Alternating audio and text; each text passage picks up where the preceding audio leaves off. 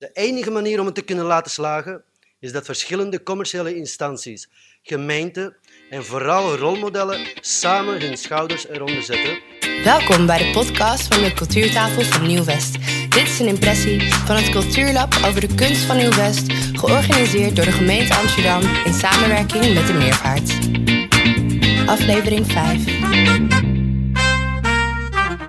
Hoi, mijn naam is Marco Gerris, artistiek leider van ISH, opgericht in 2000 en het grootste urban eh, en multidisciplinair dansgezelschap van Nederland. Naast onze grote en kleine zaalvoorstellingen doen we ook vaak residencies met jongeren, vaak met moeilijke achtergrond, die we van schuchter nobody naar een rising star zien opbloeien. Ik ben zelf inwoner van Amsterdam sinds 1997 en de laatste tien jaar, sinds 1 januari 2010, uh, verhuisd naar Osdorp. Uh, er is mij gevraagd hier om een statement te maken en hierbij wil ik wel vermelden dat het natuurlijk slechts om één mening gaat, maar wel die door velen wordt gedeeld. Van 2005 tot 2014 zaten wij met Ish in de oude ALO, bij de sportvelden hierachter.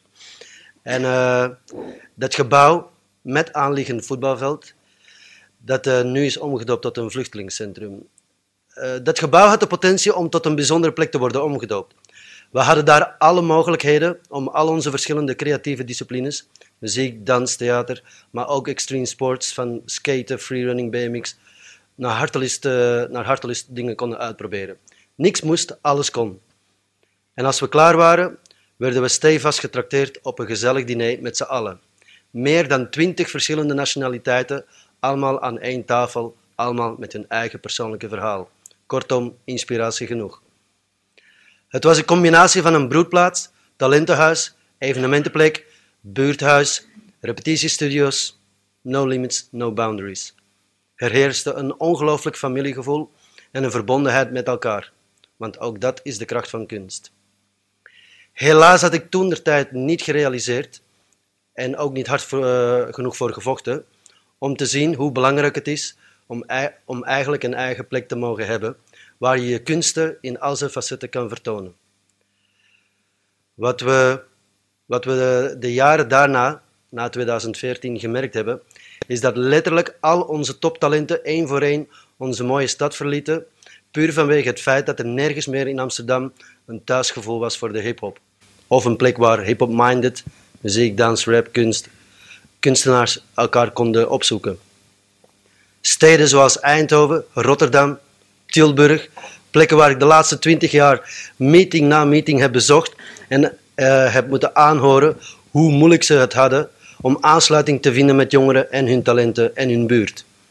Nu, twintig jaar later, zijn er in die steden verschillende plekken omgebouwd en of gefaciliteerd door en voor de jongeren, creatievelingen, en zijn dus nu al ons enige tijd voorbijgestreefd.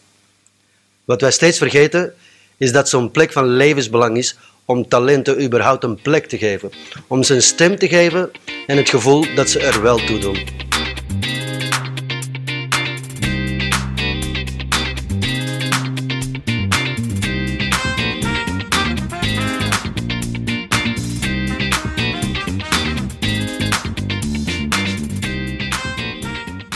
Wat wij steeds maar vergeten, is dat de culturele sector vaak verloederde buurten een bepaalde jus een stroomstoot aan levensenergie geeft aan een buurt, een nieuw gezicht geeft aan een wijk of een stad. Kortom, een weerspiegeling van onze maatschappij. Om ze daarna weer op politiek correct te, politiek verwijderen. Op naar de volgende hopeloze buurt.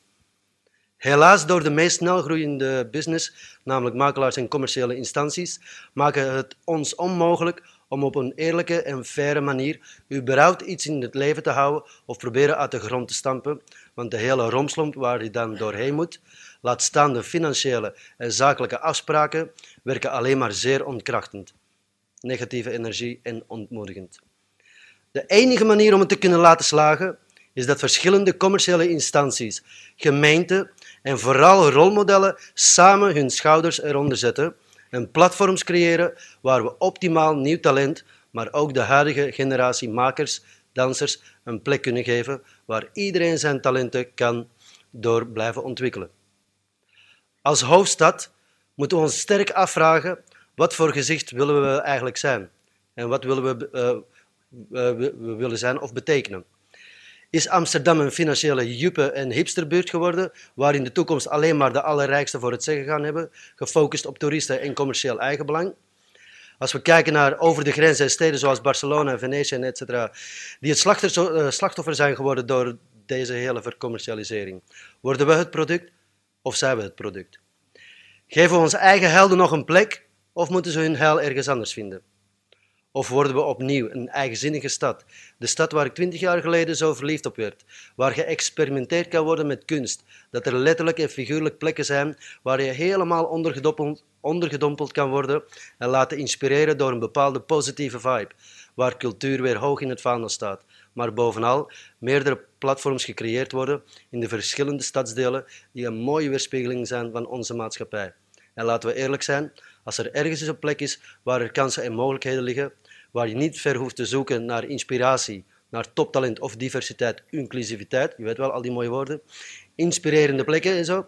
En met plekken bedoel ik open, rauwe, bouwvallige plekken die weer getransformeerd kunnen worden en nieuw leven ingeblazen kan worden, is het wel hier in Nieuw-West. Want uiteindelijk willen we allemaal kunnen zeggen, hier aan dit project heb ik mogen meedoen en meewerken. Ik ben een trotse mede-eigenaar van dit stadsdeel, Westside. Mooi, dankjewel Marco Gerrits. Dit was een aflevering van de Cultuurtafel van Nieuw-West. Bedankt voor het luisteren.